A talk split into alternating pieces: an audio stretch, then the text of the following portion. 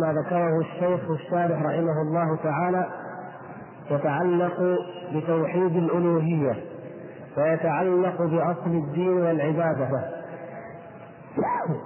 ثم إنه أمر عظيم وخطب جليل وقع فيه أكثر المنتسبين إلى الإسلام وإلى الملة ولا سيما في العصور المتأخرة.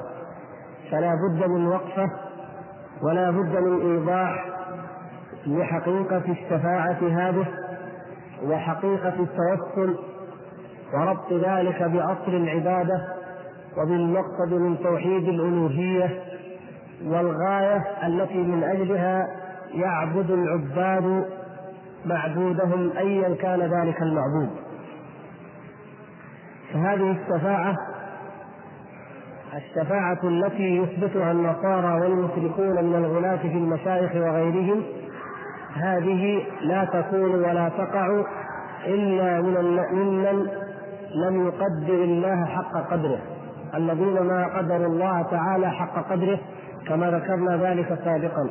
فهم الذين يظنون أنه تبارك وتعالى كالمخلوق ويشبهونه بالمخلوق بالمعظم أو الملك أو الغني من أهل الدنيا ويقولون نطلب الشفاعة إليه بواسطة غيره ظنا وتوهم منهم إما أنه لا يسمع ولا يعلم بحالهم وإما أنه لا يقبل الضعفاء ولا يقبل المذنبين ولا يقبل أهل المعاصي والكبائر فيتوسطون ويتشفعون لديه بالمقبولين والمحظوظين كما يزعمون.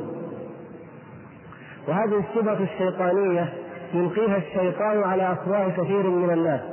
فترى أحدهم إذا دعا غير الله أو توسل بذات من الذوات الصالحة أو من يتوهمها صالحة إلى الله وأنكرت عليه ذلك يقول أنا مسكين وأنا مذنب وأنا كثير الخطايا كيف أدعو الله؟ كيف أخاطب الله عز وجل مباشرة؟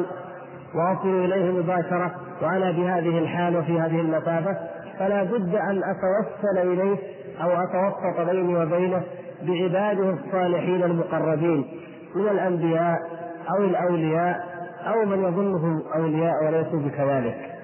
فهذه شبهة شيطانية ألقاها الشيطان على أفواه هؤلاء وتناقلتها الأجيال بعد الأجيال. وأصلها أنهم ما قدروا الله تعالى حق قدره وما عرفوه حق معرفته وأعرضوا عما في كتابه وما في سنة نبيه صلى الله عليه وسلم من بيان حال الله سبحانه وتعالى مع عباده الصالحين. فإن الله تبارك وتعالى يقول وإذا سألك عبادي عني فإني قريب أجيب دعوة الداعي إذا دعا. الله سبحانه وتعالى قريب ممن يدعوه أيا كان ذلك الداعي. حتى أنه كما ذكرنا أن الكافر المضطر وإن كان كافرا فإن الله سبحانه وتعالى هو الذي يجيبه وهو الذي يغيثه وهو الذي يكشف ما يدعونه إليه إن شاء كما ذكر ذلك سبحانه وتعالى. ورد ذلك في آية كثيرة من القرآن. ألزم الله سبحانه وتعالى المشركين بضرورة إخلاص الدين له وتوحيده وعبادته وحده بأنهم إذا ركبوا في الفلك دعوا الله مخلصين له الدين. إذا هاج بهم البحر وماج واضطرب وظنوا أن لا ملجأ لهم من الله ولا منقذ إلا بأن يتوجهوا إليه وحده سبحانه وتعالى توجهوا إليه. فلما نجاهم من البر إذا هم يشركون. فهم يشركون في حال الشدة يوحدون ويخلصون في حال الشدة ويشركون في حال الرخاء. فإذا هذا إلزام ألزمهم الله سبحانه وتعالى به. فالله تعالى يجيب المضطر إذا دعاه مؤمنا كان أو كافرا. لماذا؟ قلنا في بيان ذلك أن إجابة المضطر هذه من خصائص الله سبحانه وتعالى. هو ربهم. فهذه كالرزق. من الذي يرزق الناس؟ إلا ربهم سبحانه وتعالى. من؟ هل يرزقهم أحد غير الله سبحانه وتعالى؟ لا يمكن. لأنه هو ربهم فربوبيته لهم أنه وحده يرزقهم وأنه وحده يطعمهم. المؤمن منهم والكافر يطعمهم الله سبحانه وتعالى. كلا نمد هؤلاء وهؤلاء من عطاء ربك وما كان عطاء ربك محظورا. نمد أهل اليمين المؤمنين وأهل اليسار الكافرين وأهل الشمال. يمدهم الله سبحانه وتعالى ويرزقهم. لو لم يرزقهم الله؟ من الذي يرزقهم؟ لا أحد. لو لم يكشف الله سبحانه وتعالى الضر عن المضطر ويكشف السوء عمن دعاه مؤمنا كان أو كافرا. من الذي يكشف ذلك؟ لا أحد. فهذا مقتضى ربوبيته سبحانه وتعالى وخاصية ألوهيته أنه يفعل ذلك جل شأنه. وهذا الإله الكريم سبحانه وتعالى الذي بيده خزائن كل شيء والذي إليه المنتهى سبحانه وتعالى والذي يملك كل شيء في هذه الدنيا والذي يكشف السوء والذي يرفع البلاء والذي يجيب المضطر هذا قد فتح الباب واسعا. هو كريم سبحانه وتعالى. ورحمته وسعت كل شيء. ففتح الباب على أوسع ما يمكن لقبول الداعين والمنيبين والمستغفرين والتائبين من غير واسطة أحد كائنا من كان. فكيف يتوسل إليه ويتوسط إليه سبحانه وتعالى؟ وهو الذي يدعو خلقه إلى أن يعبدوه وإلى أن يدعوه. وهو الذي كما قال الشاعر الله يغضب إن تركت سؤاله وترك وترى ابن آدم حين يسأل يغضب. الإنسان أيها الإخوة الكرام لو كان أبا حانيا رحيما ودودا عطوفا وله ابن مدلل لا يرد له أي طلب ويحبه غاية الحب ولكن هذا الابن يكرر عليه كل لحظة هات وهات وهات لا بد أن يغضب ولا بد أن يزجره من كثرة ما يطلبه ويلح عليه في الطلب. هذا حال المخلوق. لكن الله سبحانه وتعالى كلما ندعوه فهو يرضى عنا سبحانه وتعالى. بقدر ما ندعوه يكون أرضى عنا ويعطينا سبحانه وتعالى. فأكثرنا عبودية لله عز وجل أكثرنا دعاء له. فنحن ندعوه سبحانه وتعالى. ولهذا صح في الحديث الدعاء هو العبادة. الدعاء هو العبادة. نعم. وكما سنوضح إن شاء الله أنه ما من عابد يعبد إلا ومقصده أو له غرض هو ماذا؟ هو حقيقة الدعاء. أي أن يصل من معبوده إلى أن يعطيه ما ينفعه وما أن يحقق له ما يرجوه وأن يدفع عنه ما يخافه وما يسوء هذه هي أصل العبادة وحقيقة العبودية. وغير ذلك لا يعبد أحد أحدا. لولا ذلك ما عبد أحد. أحدا. وهذا هو المدخل الذي سوف نوضحه إن شاء الله قبل الحديث عن موضوع التوسل الذي ذكره الشيخ هنا. فإذا عرفنا كيف آه، وقع اولئك في الشبهة. وأما المعتزلة والخوارج الذين أنكروا الشفاعة فعرفنا أصل شبهتهم. وعرفنا الرد عليهم فيما مضى من بيان مذهب أهل السنة والجماعة.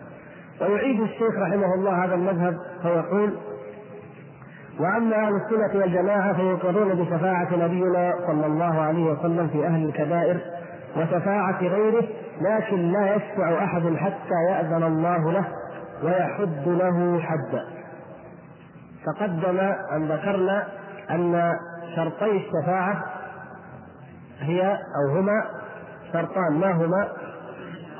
رضا الله تعالى عن عن المشفوع له. وإذنه للشافع.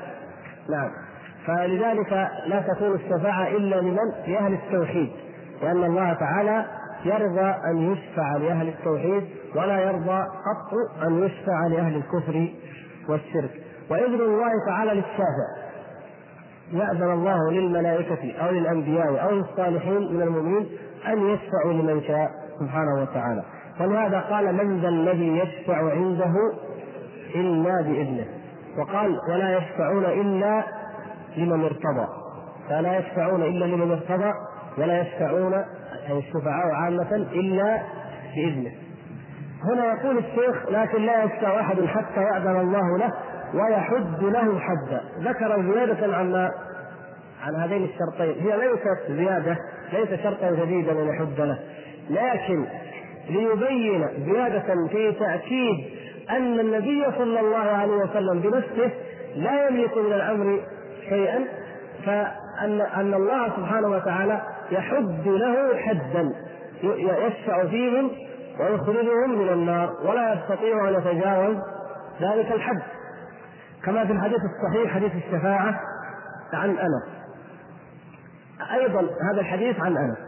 الشيخ يقول حديث الشفاعة لاحظوا أن هذا الحديث هو أيضا عن أنس كما أن الحديث الذي سبق هو عن أنس رضي الله تعالى عنه. لكن هذا في باب وذلك في باب آخر من أبواب الصحيح كما سنبين إن شاء الله الآن. فيقول إنهم يأتون آدم ثم نوحا ثم إبراهيم ثم موسى ثم عيسى. فيقول لهم عيسى عليه السلام اذهبوا إلى محمد فإنه عبد غفر الله له ما تقدم من ذنبه وما تأخر. فيأتوني فأذهب فإذا رأيت ربي علي لا أحسنها الآن.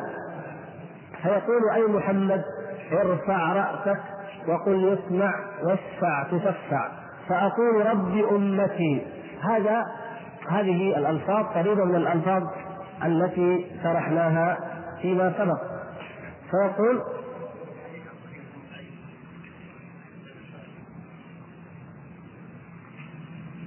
أيوة المتقدم على آية نعم. لحظة طيب. الحين نبين إن شاء الله. يقول فيقول أي ربي آه فأقول ربي أمتي. أمتي هنا هذا المتقدم كما ذكرنا ذلك وشرحناه أول شيء له الذي هو حديث أبي هريرة. أول رواية ذكرها حديث أبي هريرة التي في النوع الأول من أنواع الشفاعة. فيقول أي ربي أمتي فأقول يا ربي أمتي أمتي يا ربي أمتي أمتي يا ربي أمتي أمتي. إلى هنا الألفاظ متقاربة. يقول فيحد لي حدا فأدخلهم الجنة. ثم أنطلق فأسجد فيحد لي حدا. هذا الحديث الذي آه، أنا أقصد به حديث أنس. هو هذا الذي ذكرناه في النوع الثامن. وليس حديث أبي هريرة الأول. نعم. الحديث الذي في النوع وروى البخاري الذي يقول حدثنا معبد بن هلال العنزي قال اجتمعنا ناس من أهل البصرة فذهبنا إلى إلى انس الذي شرح فيما مضى. فهذه ثلاث مرات التي ذكرها هذا هنا عن ذكرت عن أنس. وهنا يقول فيحد لي حدا فيدخلهم الجنة ثم أنطلق فاسجد فيحد لي حدا. هذا الحديث هو روى البخاري رحمه الله تعالى الحديث الأول في آه، في باب كلام الرب عز وجل. كلام الرب عز وجل مع الأنبياء. الذي هو حديث أنس المتقدم. وأما هذا الحديث فهو مروي في باب قول الله تعالى لما خلقت بيدي. في باب قول الله تعالى لما خلقت بيدي.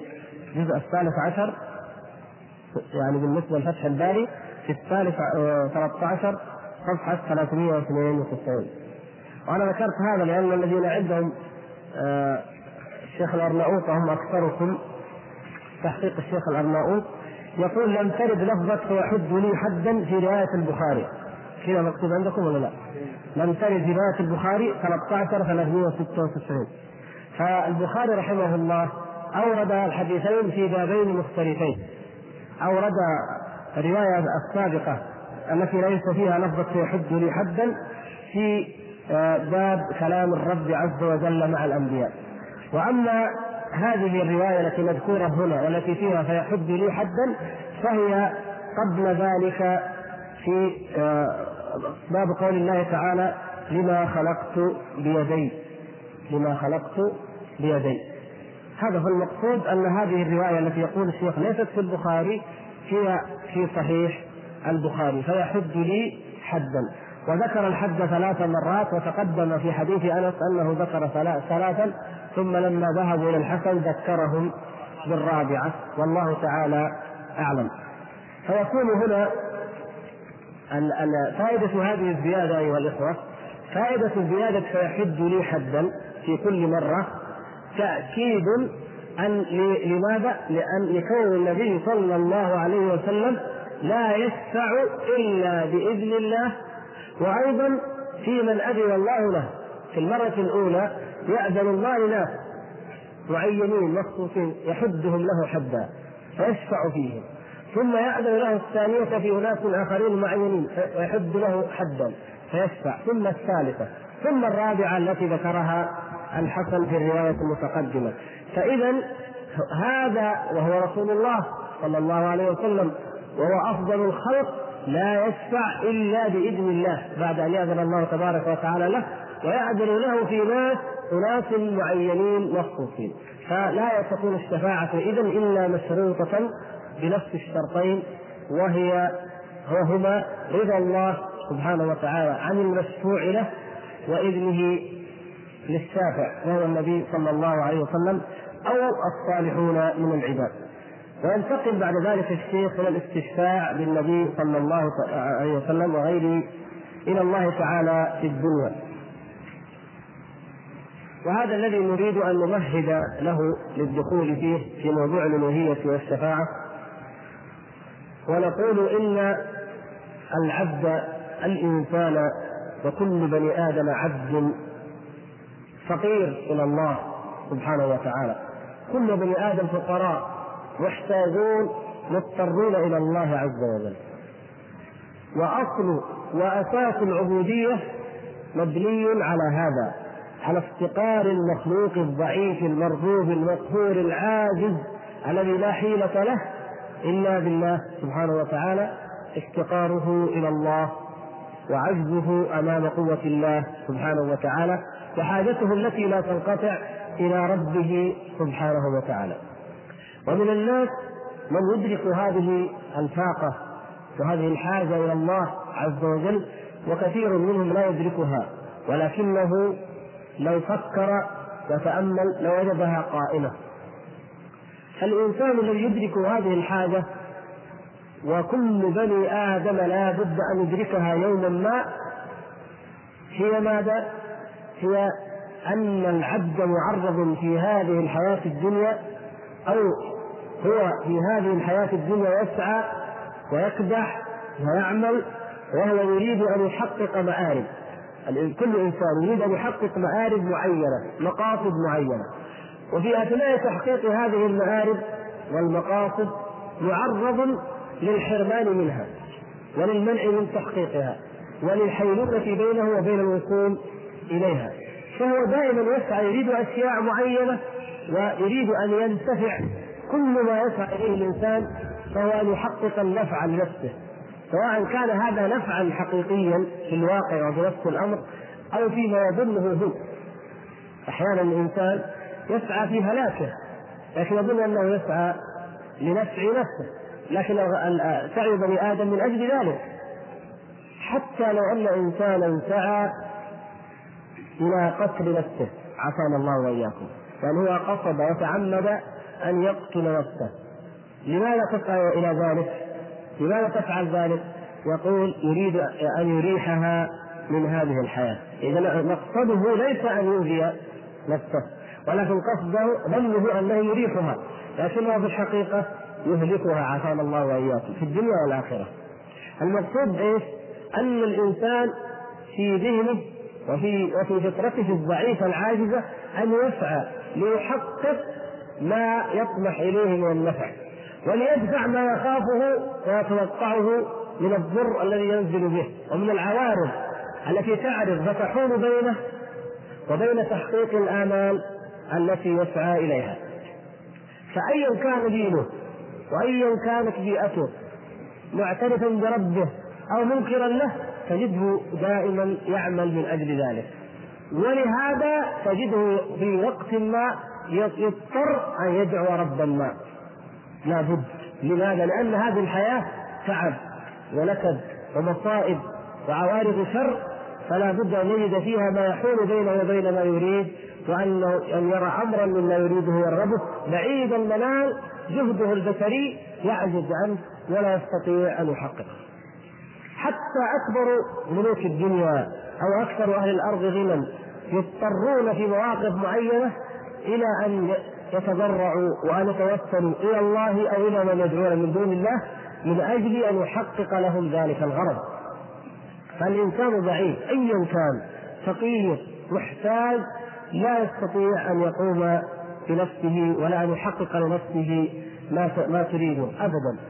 الله سبحانه وتعالى متفرد بأنه إنما أمرنا لشيء إذا أردناه أن نقول له كن فيكون. هذا لمن؟ هذا لله وحده سبحانه. أما بقية الناس فهم محتاجون مخلوقون مرغوبون لا يستطيعون. فلا بد أن يلجأوا إلى من يدعونه ليحقق لهم هذا. فيعرض المرض يعرض الخوف يعرض الألم يعرض العوارض المخيفة التي لا لا بد أن تقع لكل إنسان في أي أمر من الأمور. فحينئذ هناك منطقة أو دائرة معينة تجد الإنسان نفسه أنه إذا ضاقت به الحيلة وضاقت به السبل ينتقل إلى بحبوحتها فيجد فيها المخلص والمنال الوحيد الذي يمكن أن ينال منه مطلبه وهي الدعاء أن يدعو أيا كان المدعو الآن نحن لا نتكلم عن كونه يدعو الله غير الله. لكن هنا نقول أنه لا أن الإنسان محتاج وفقير ومضطر ولا بد أن يدعو غيره وأن يلجأ إليه وأن يتوسل به.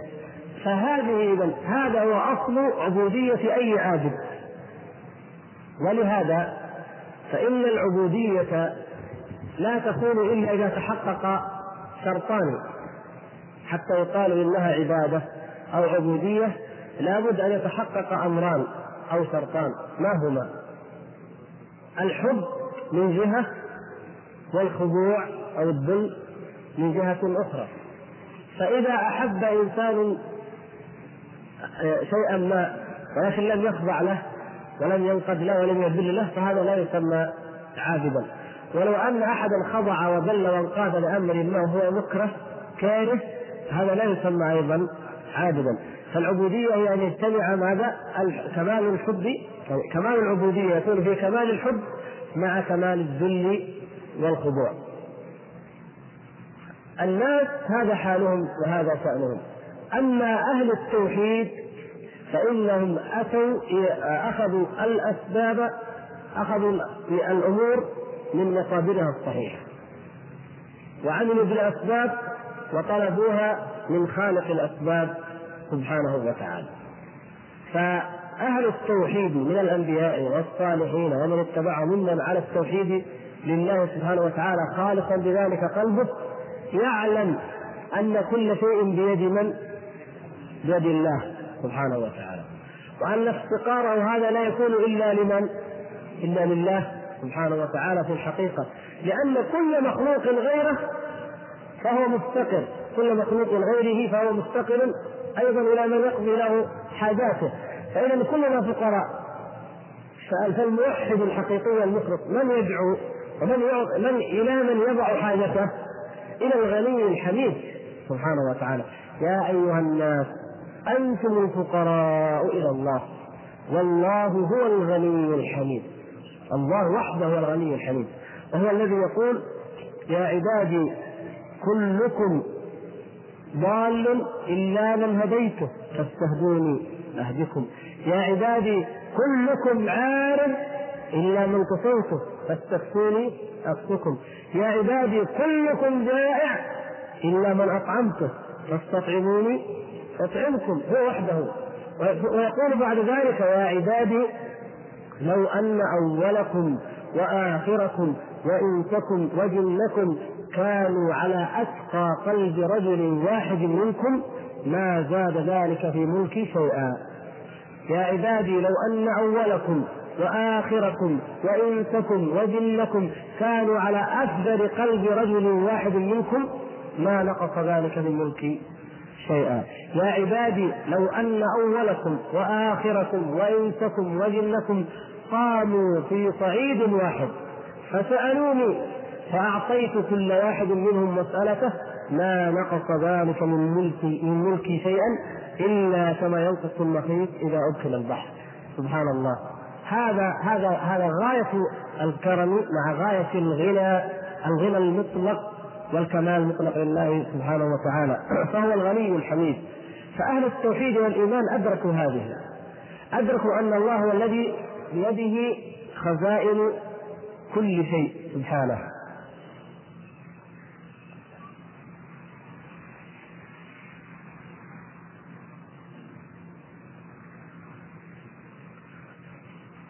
فهو الذي بيده خزائن كل شيء. وهو الذي بيده مفاتح الغيب لا يعلمها إلا هو سبحانه وتعالى. وهو وحده الرزاق من قوة المتين وما من دابة في الأرض إلا على الله رزقها ويعلم مستقرها ومستودعها.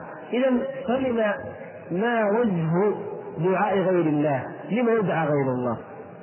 إن دعي الملائكة فهم عباد مكرمون عند الله سبحانه وتعالى ولكنهم لا يعصون الله ما أمرهم.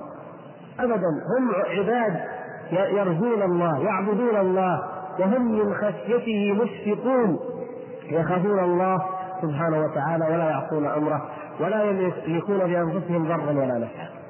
وإن عبد الأنبياء فالأنبياء بشر مثلنا. عاشوا على هذه الأرض كما نعيش وكما عشنا. ولاقوا من المحن ومن الشدائد ما جعلهم يلجؤون إلى الله سبحانه وتعالى ليكشف عنهم ذلك الكرب وذلك الضر. والأولياء أو الصالحون لا شك أنهم أدنى درجة من الأنبياء. اذا هذا هذه قضية واضحة قضية التوحيد لمن بصره الله سبحانه وتعالى وتفكر وتأمل أمر جليل أمر واضح أن المسؤول المدعو هو الله سبحانه وتعالى. سواء كان ذلك دعاء عبادة أو دعاء مسألة فالأمر كله يرجع إلى حاجة المخلوقين واضطرارهم وافتقارهم إليه سبحانه وتعالى. فإذا لجا الفقير إلى فقير مثله لجا الضعيف إلى ضعيف مثله أو نصب نصب ضعيف نفسه إلها من دون الله وقال ادعوني وأنا أجيبكم. فهذا إخلال بالتوحيد وهذا لا يفعله إلا من لم يقدر الله حق قدره ولم يفقه حقيقة التوحيد ولا آمن بالله تعالى حق الإيمان. وإن زعم ذلك وما يثبت وما يؤمن أكثرهم بالله إلا وهم يشركون هذه هذا هو سبب وقوع الناس في الشرك. ظنوا أن غير الله سبحانه وتعالى يحقق لهم ما يريدون ف انطلقوا يجرون وراء السراب أو ظنوا أن هذا الغير ايا كان يتوسط ويتوسل يتوسلون به إلى الله سبحانه وتعالى فيحقق لهم الله ما يريدون. فإذا اعتقد العبد المؤمن وعرف واستيقن أن الله سبحانه وتعالى هو وحده المدعو المرجو الذي يخاف ويرجى والذي يدعى ويستغاث به ويولاد به ويستجار به وكل أنواع العبادة فإنه بعد ذلك لا يحتاج إلى أن يدعو غير الله راسا ولا أن يتوسط أو يتوسل إلى الله سبحانه وتعالى بغيره وهو الذي يدعو عباده ليلا. يبسط يديه بالنهار ليتوب مسيء الليل ويبسط يديه بالليل ليتوب مسيء النهار. سبحانه وتعالى وليس هنالك أكرم من هذا الإله ولا أحلم منه.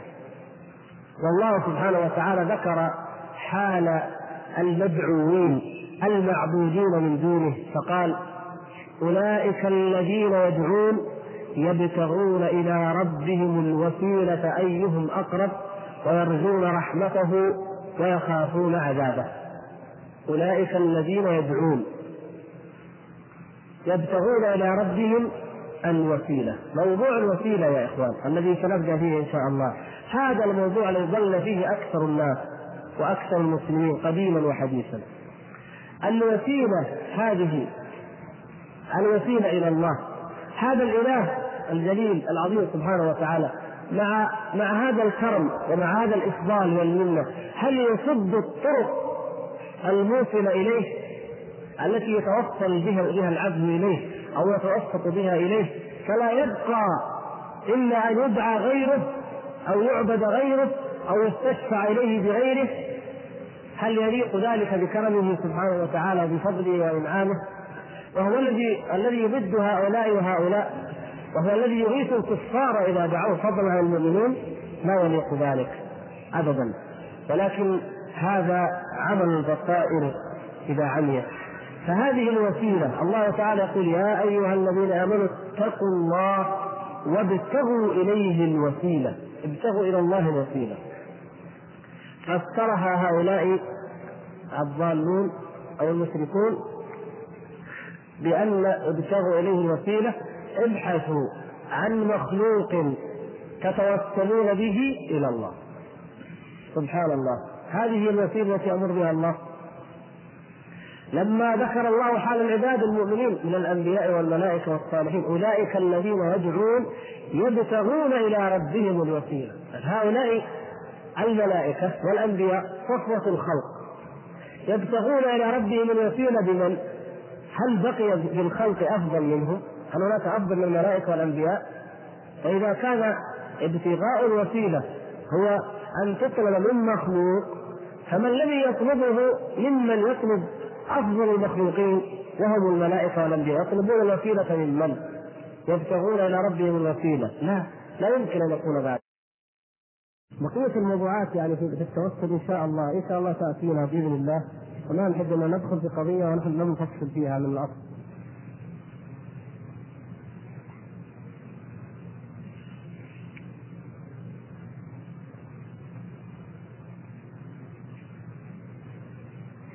يقول أخ كثير من الناس حينما يرى أحد الشيوخ آه، أو الصالحين يسأله بالدعاء ويتخذ هذا الأمر عادة وكثيرا ما نرى ذلك فلا أدري هل هذا صواب أم فيه ما يخالف أو يمس بالعقيده وكثير أيضا من الناس يذهبون إلى أخصائيين طب نفس بحجة أنهم في حالة كئيبه أو حالة نفسية فيذهبون إليهم ويحلون مشاكلهم الخاصة وما رايكم أن الذي يحل هذه الأمور النفسية هو الله وهل يمس بالعقيده أيضا. أما بالنسبة لطلب الدعاء. أن تطلب من أحد من إخوانك أو من الناس الذين تظن فيهم الخير والصلاح أن يدعو لك فهذا لا بأس به. إن شاء الله لو جاءت فيما بعد موضع له نفصله هو وارد في هذا الكتاب. لكن الآن مختصر الجواب أنه لا بأس به على أن لا يتخذ عادة. لا يتخذ عادة منك وبالذات في حق شخص معين. تصير كلما لقيته أدعي لي ادعي أو تظن أن دعاء فلان بالذات لك ينفع. لكن عرضا لا بأس به إن شاء الله. أنك يعني في وقت من الأوقات ترى أحد إخوانك في الله فتقول أدعو لي الله أدعو لي الله سبحانه وتعالى. يا أخي أرجو أن لا تنسنا من دعائك مثلا. لكن الفرق بين هذه وبين أن أن بعض الناس لا يدعو ربه وإنما ينتظر حتى يقابل أحد أحد الناس الصالحين ويقول ادعو لي يا أخي. لا. لا هذه وسيلة تبعية الوسيلة الأصلية هي أن تدعو أنت بنفسك. وهذه تجوز بهذا القدر. وإن شاء الله يفصل هذا بإذن الله. الموضوع أن الإنسان يذهب إلى طبيب نفسي ويشرح له حالته. هل هذا نفس العقيدة؟ هناك أمراض نفسية جسدية هي هي جسدية عصبية ولكن تسمى نفسية بمعنى أنها علاقتها بالجانب النفساني أكثر. وهذه أمور تجريبية والطب آه، قد آه، الله سبحانه وتعالى فتح على الناس في هذا الجانب فيستطيعون أن يعطوا العلاج لها باي نوع من أنواع العلاج. فما دام أنها في هذا الموضع للأمور التجريبية وعند طبيب فعلا أخصائي نفسي ويشرح له الإنسان مثلا المشكلة أو الحالة التي حصلت له فسببت له آه، امرا نفسيا وإن كانت هي جسدية في الأصل وبعض الناس بالعكس قد يكون حصل له أمر نفسي فسبب له عاهة أو أو مرضا جسديا. هذا يقع. هذا وهذا يقع.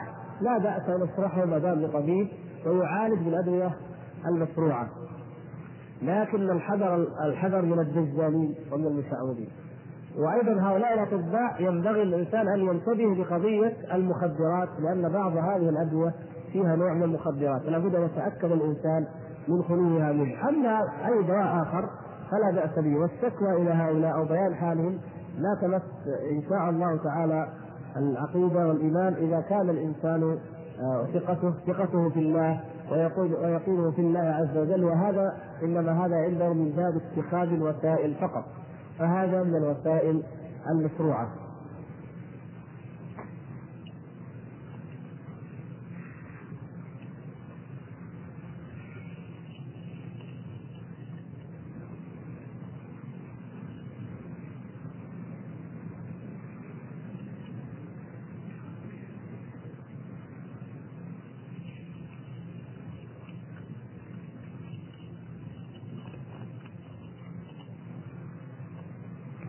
أخ يقول سؤالي عن أمارات الساعة وهل تحقق بعضها في زمننا الحاضر وعن حديث حديث سمعته عن الرسول صلى الله عليه وسلم. أولا أمارات الساعة وهل تحقق بعضها؟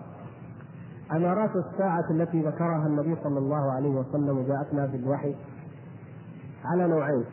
الأمارات الكبرى العشر العلامات الكبرى فهذه لم يقع منها شيء حتى الآن. التي منها الدجال والدابة وخص بالمشرق وخص بالمغرب وخص بجزيرة العرب وخروج طلوع الشمس من مغربها والدخان. هذه لم تقع. وأما التي وقعت فهي العلامات الصغرى أو أكثر أكثر العلامات الصغرى قد وقعت. منها مبعث النبي صلى الله عليه وسلم لأن مبعثه من علامات الساعة. ووفاته صلى الله عليه وسلم. ومنها مثلا النار التي تظهر من المدينة ذكر ابن كثير وغيره أنها ظهرت من المدينة وأنها فعلا أضاعت لها أعناق الإبل بالشام وبالعراق ورؤيت ومنها أمارة السفهاء التي ذكرها أبو هريرة في الحديث الصحيح والتي وقعت. كان أبو هريرة رضي الله تعالى عنه يستعيذ بالله منها فوقعت أن يلي الأمر آه، أمر الأمة ككل أو أو بعضه يليه السفهاء أو الأصاغر مع وجود الأكابر. وأن تلد الأمة ربتها هذا حصل وأن ترى الحفاة العراة رعاء الشاء والإبل يتطاولون في البنيان ويتفاخرون فيه وهذا حصل وكثير من الأمور زخرفت مثلا المساجد هذا أيضا كما ترونه قد وقع. أمور كثيرة لا حصر لها هذه العلامات الصغرى وقعت أو وقع أكثرها ولكن بقي العلامات الكبرى.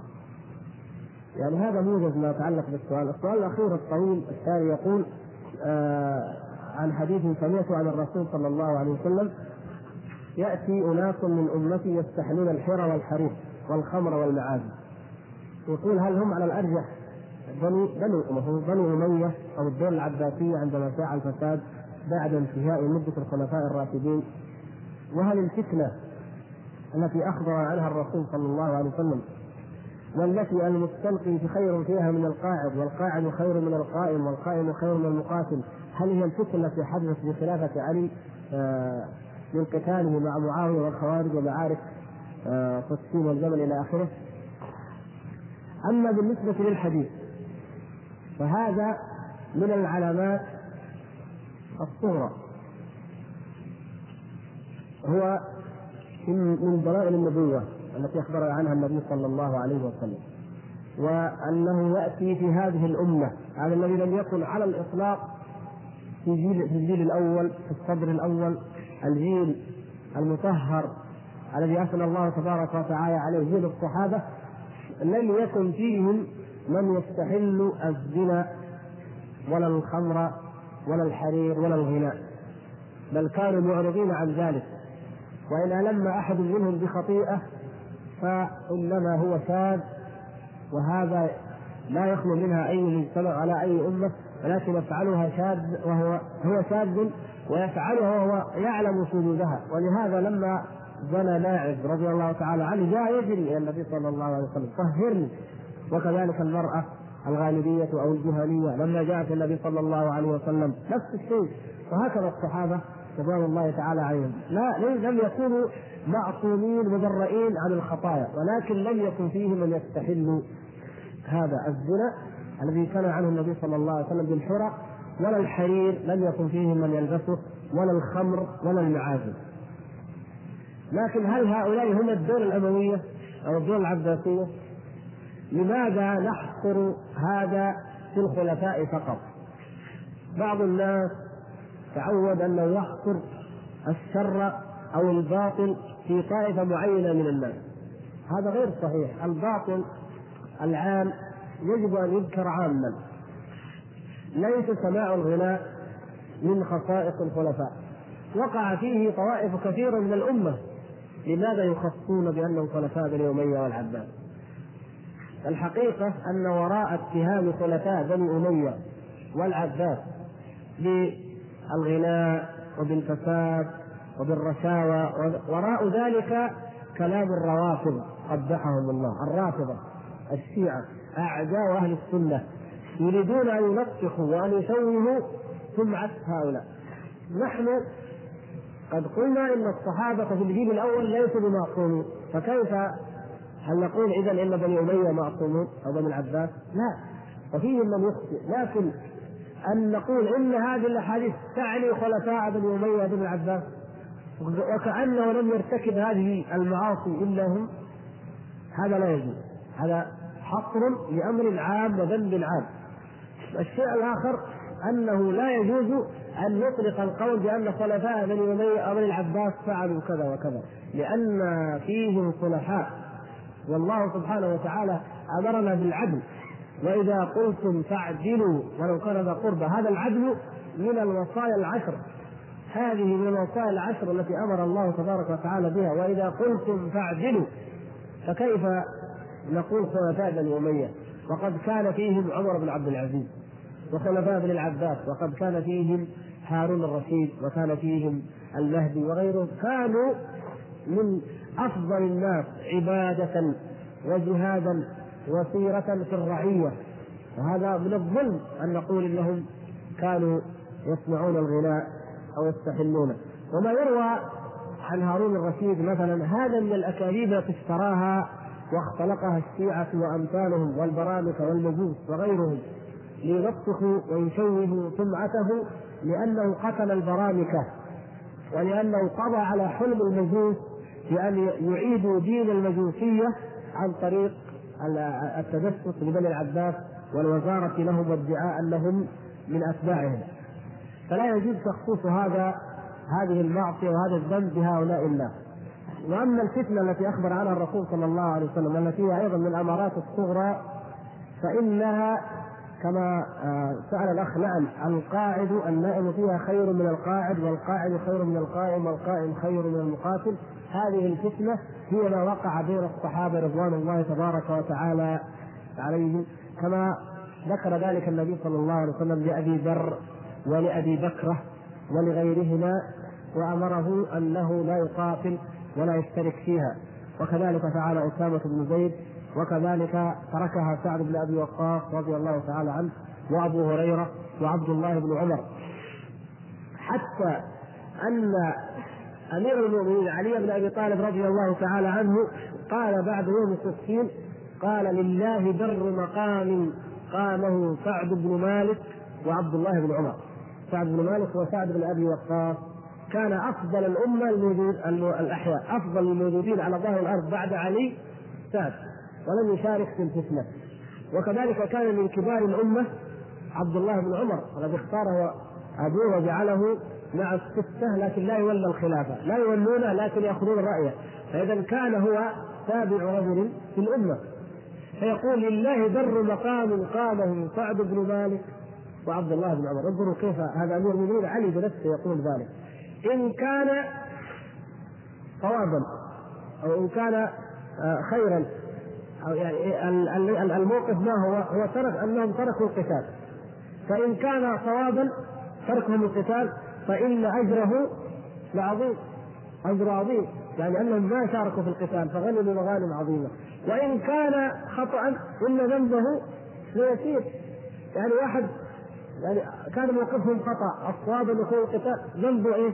قليل بالنسبة لذنب من قتل مسلما ومن شارك في الفتنة. فطبعا الفتنة وقعت بقدر من الله عز وجل. اجتهد الصحابة وكان كل منهم يقاتل على الاجتهاد. نعم.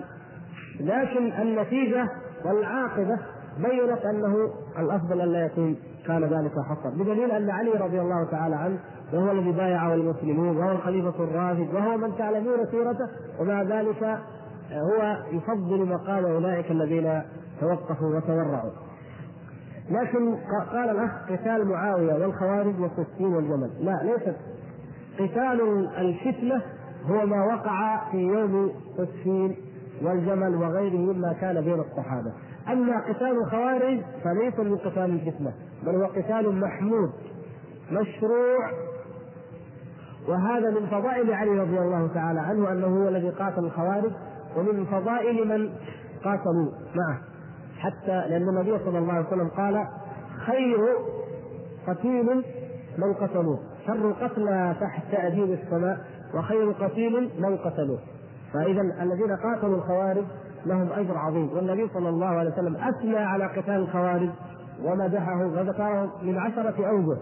لكن قتال الصحابة وما يكون بينهم من فتنة النبي صلى الله عليه وسلم ذمه وعابه فليست هذه من الفتنة.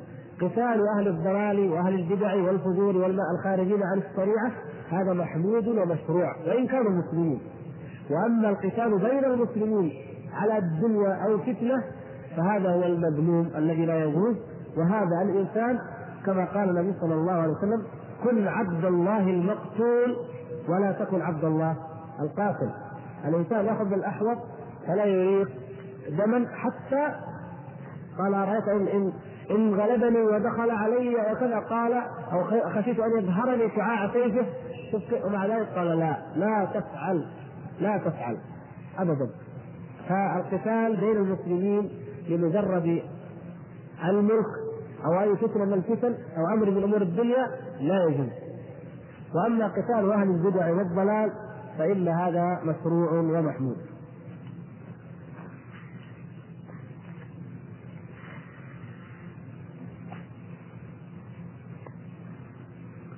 يقول الأخ نحن في عصر فيه من الفساد ما الله به عليم وحتى لا يعترينا الفتور أو لعل تذكرنا بما ييسر الله لك في مستقبل هذا الدين. نعم نحن مع أننا في زمن فتنة وشر وفساد ولكن المستقبل بإذن الله سبحانه وتعالى لا بد أن يكون لهذا الدين والله سبحانه وتعالى قد تكفل بذلك وقد أخبر بذلك الصادق المصدوق صلى الله عليه وسلم. وهذا إذا قلنا إننا في عصر فساد وفتنة وشر فهذا يدفعنا لأن نعمل للقضاء على الشر. وإذا قلنا إن هناك بشائر للمستقبل وأن تكون لهذا الدين فهذا يدفعنا أيضا للعمل ونكون من السابقين إلى إلى نصرة هذا الدين وتحقيقه، ففي كلا الحالين لابد أن نعمل وأن نجتهد. لكن والعياذ بالله الشيطان يأتينا فيقول ما دمت في آخر الزمان ما في فائدة فلا تعمل شيء. أو ما دام أن الله سوف يظهر هذا الدين وسوف يعليه فلا تعمل شيء أنت دينه سيظهره، هذا هو الخطأ في كلا الحالتين. والواجب في كلا الحالتين أن نجتهد في نصرة هذا الدين وأن نصبر على ما نلاقي من الأذى ومن الاعراض وحتى في قلوبنا نجد القسوة ونجد الصعوبه ونجد الشرود حتى في قلوبنا. نصبر على ذلك كله والمبشرات كثيرة لا يستطيع لها المجال. لكن مما نبشر به أنه لا تزال طائفة من هذه الأمة على الحق ظاهرين ظاهرين على أمر الله غالبين لا يضرهم من خالفهم. هذه بشرى عظيمة. أن هذا الدين سوف يفتح له العالم كله. سوف يفتتح الأرض كلها. ولهذا لما آه، سأل الرجل عبد الله بن عمر رضي الله تعالى عنه أي المدينتين تفتح أولا؟ مدينة هرقل أم رومية؟ فقال؟ سألت النبي صلى الله عليه وسلم فقال مدينة هرقل تفتح أولا. يعني القسطنطينية تفتح قبل روما. إلى الآن روما ما فتحت. إذا سوف تفتح روما وإذا فتحت روما تغير ميزان الأديان في العالم لأن روما مقر البابا الفاتيكان مقر الديانة الكاثوليكية التي يدين بها اليوم أكثر من 600 مليون من البشر فضلا عن الطوائف النصرانية الأخرى. فإذا فتحت روما فهذا يكون بمثابة انهيار للعالم الكاثوليكي الذي يشمل معظم أوروبا أو جنوب أوروبا بحوالي النصف من الولايات المتحدة الأمريكية وغيرها. هؤلاء كلهم سينقضي بإذن الله عز وجل شأنهم مدينهم إذا فتحت روما. ولا بد أن تفتح بإذن الله سبحانه وتعالى وبفضل الله. ولا بد أن يبلغ هذا الدين ما بلغ الليل والنهار. يعني لا يبقى مكان في العالم إلا ويكون هذا الدين. وهذا ما كان متحققا في الزمن الماضي. يعني أضرب لكم مثال. لما دخل البرتغاليون والاسبان دخلوا إلى أمريكا الجنوبية قبل حوالي 500 سنة. وجدوا أمم وشعوب لها حضارات ولها يعني حياة وتعبد الاصنام طبعا لها أديان ولها معبودات. هؤلاء لم يصلهم فيما ظهر لأولئك الناس على الإطلاق أي ذكر للإسلام ولا لغيره من الأديان. ما سمعوا لا بالإسلام ولا بالنصرانية ولا بأي شيء. وقاتلهم أولئك الأصنام حتى افنوهم وافنوا معظمهم. المقصود هؤلاء ما بلغهم. فكانت في يوجد زوايا من العالم ما بلغها الدين. الآن الحمد لله مع المواصلات والوسائل الإعلام الحديثة أصبح في الإمكان فعلا أن يصل هذا الدين ما ما وصل الليل والنهار وأن تقوم دعوات في أي بلد. في أي بلد في العالم لو قامت دعوة سليمة وصحيحة لتنجح بإذن الله. اعتى بلاد الله عز وجل هي بلاد ما يسمى الستار الحديدي روسيا التي وضعت سياجا حديديا على شعوبها لا تذهب لا تحتك ولا تخالط ولا لكن حتى هذه البلاد لو قامت فيها دعوة صحيحة والله تذهب وتنهار وتنتشر الدعوة لأن المسلمين فيها بعشرات الملايين. فلو أنهم على إيمان صحيح وقامت فيهم دعوة صحيحة لنشروا الإسلام قد يبدا اولا بالسر وبالضعف وبالابتلاء هذا لا بد منه لكن في الأخير ينصرهم الله حتى على هذه الدولة العافية الكافرة. وما ضيعنا أفغانستان وما أخذت منا إلا لما ضيعنا من قبل تركستان وما ضيعنا تركستان إلا لما ضيعنا موسكو.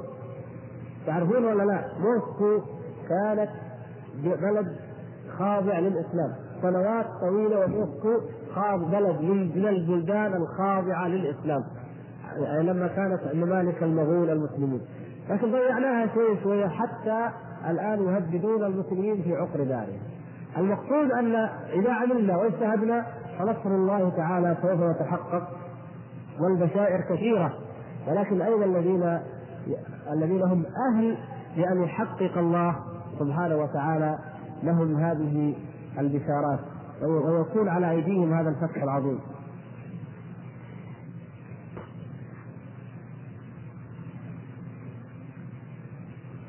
هذا الأخ سال أكثر من مرة ما ما ما عرفت أقرأ يا أخي ما عرفت أقرأ سؤاله ما حكم أن البعض يقول إذا مات أحد ربه استتر ما أدري ارجو الاخ لا يؤاخذني أنا ما فهمت ها؟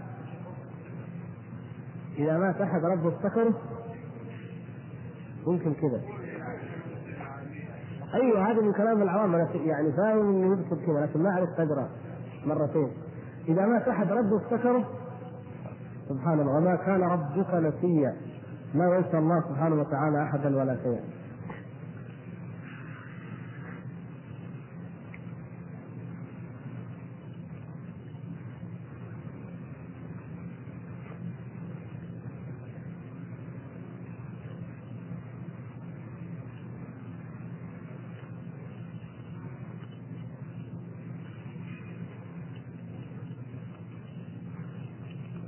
بعض الأسئلة غريبة لكن حتى تشوف واقعنا وحالتنا. يقول الأخ يوجد شركة للمنتجات الغذائية والصناعية يعني ماجي سيريلاك يأمرهم المدير بحلق لحاهم كل أسبوعين من أجل أن لا تسقط في الأطعمة.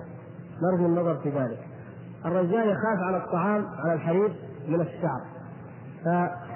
فيقول لابد أن تحلقوا لحاكم. معروف حكم من يحاد الله ورسوله. ومن يحاد اوامر النبي صلى الله عليه وسلم مثل هذا المسكين الجاهل.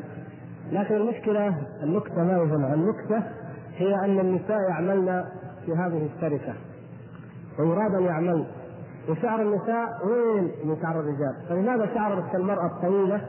ما تضر الحليب ما يضرها إلا شعر اللحية.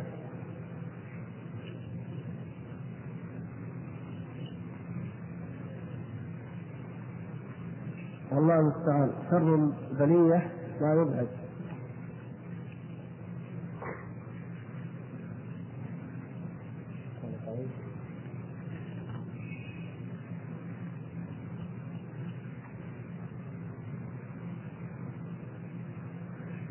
قرية لا يوجد بها إلا مسجد واحد وهذا المسجد به قبر وهذا القبر في إحدى زوايا المسجد بعيدا عن اتجاه القبلة.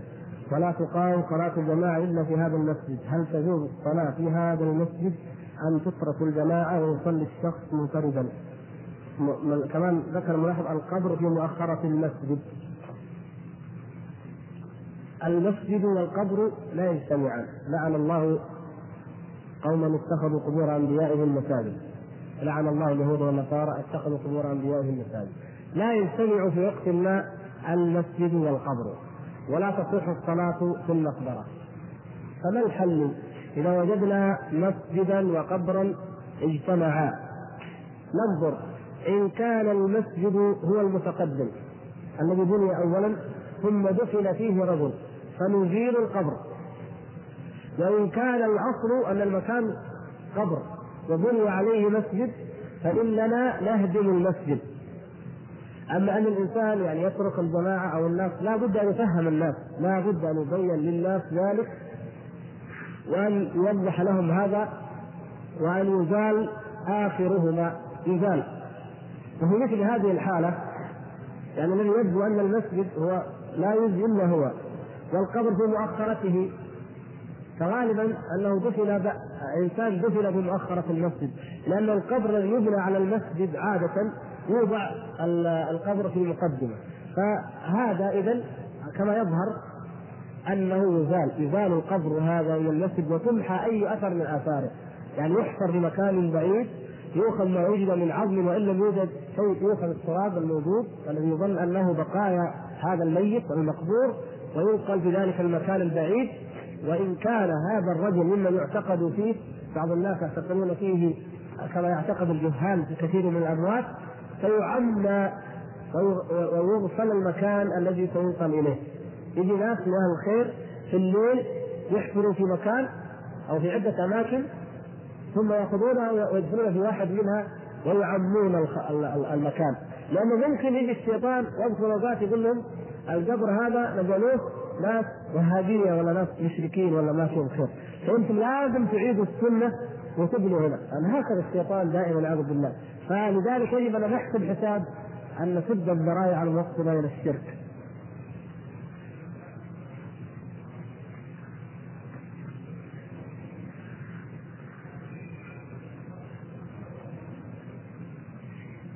أخذت الأرض من المقبرة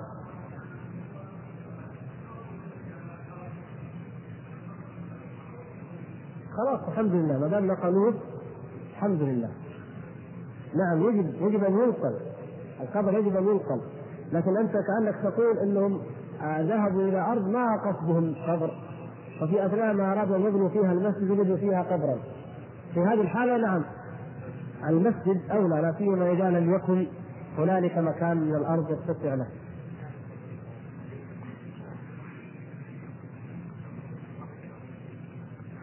إذا كان القبر القبر سابقا. أسبق. ولكن المسجد كبير وجامع مهم ولا يستطيع الناس أن يستغنوا عنه. والقبر في جانب منه يمكن أن يزال فلا يتأثر به المسجد. ففي هذه الحالة يزال القبر. نعم. لكن الأصل يبقى دائما يعني هذه في حالات استثناء لكن الأصل أن أي قبر يبنى على المسجد يهدم. لكن هذا قبر من قديم من سنين حتى أن بعض الناس مثلا في بعض البلدان يعني مساجد ضخمة جدا تصلي فيها أنت دائما. فيقال لك انها بنيت في الأصل على قبر من مئات السنين في الأصل مبني على قبر لكن هو الآن مسجد والناس لا يذهبون إليه بنية القبر. وبعضهم لا يدري عن القبر مثلا.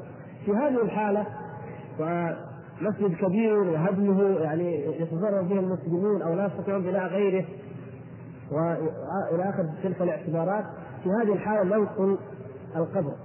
لكن اما ان قبرا معلوما مشهورا للسيد فلان أو الشيخ فلان وبني عليه مسجد لا هذا يجب أن يهدم يعني في الأصل يهدم ذلك المسجد الذي بني عليه. وإن سمع الناس وإن قالوا ما قالوا لأنهم إذا قالوا ذلك فيجب أن يعرفوا أن هذا التوحيد أعظم عندنا عندنا من كل شيء ومن أي خسارة. فما هو خسارة هذا البناء؟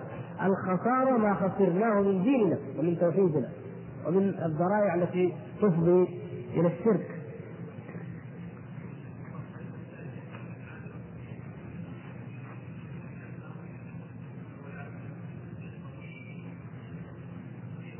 لا هذا السؤال الحقيقة هو ثابت لكن يعني عن قريتهم يقول لكن عابر السبيل غير ذلك. عابر السبيل لا يصلي في المسجد الذي فيه قبر تذهب تصلي في مكان آخر. وإن لم يمكن إلا أن تصلي منفردا فهو أفضل. يعني لو ذهب أحدنا إلى بلد من هذه البلاد التي تدخل المساجد ولا تخلو من قبور فخير له أن يصلي حتى وإن صلى منفردا ولا يصلي فيها. لأن هذا من باب الإقرار لها ويدخل في النهي يدخل في نفس النهي الوارد في ذلك. فهذا هذا السبيل. لكن السؤال على أهل القرية المقيمين الذين لا يجدون مسجدا غير هذا. لا بد من إزالة القبر.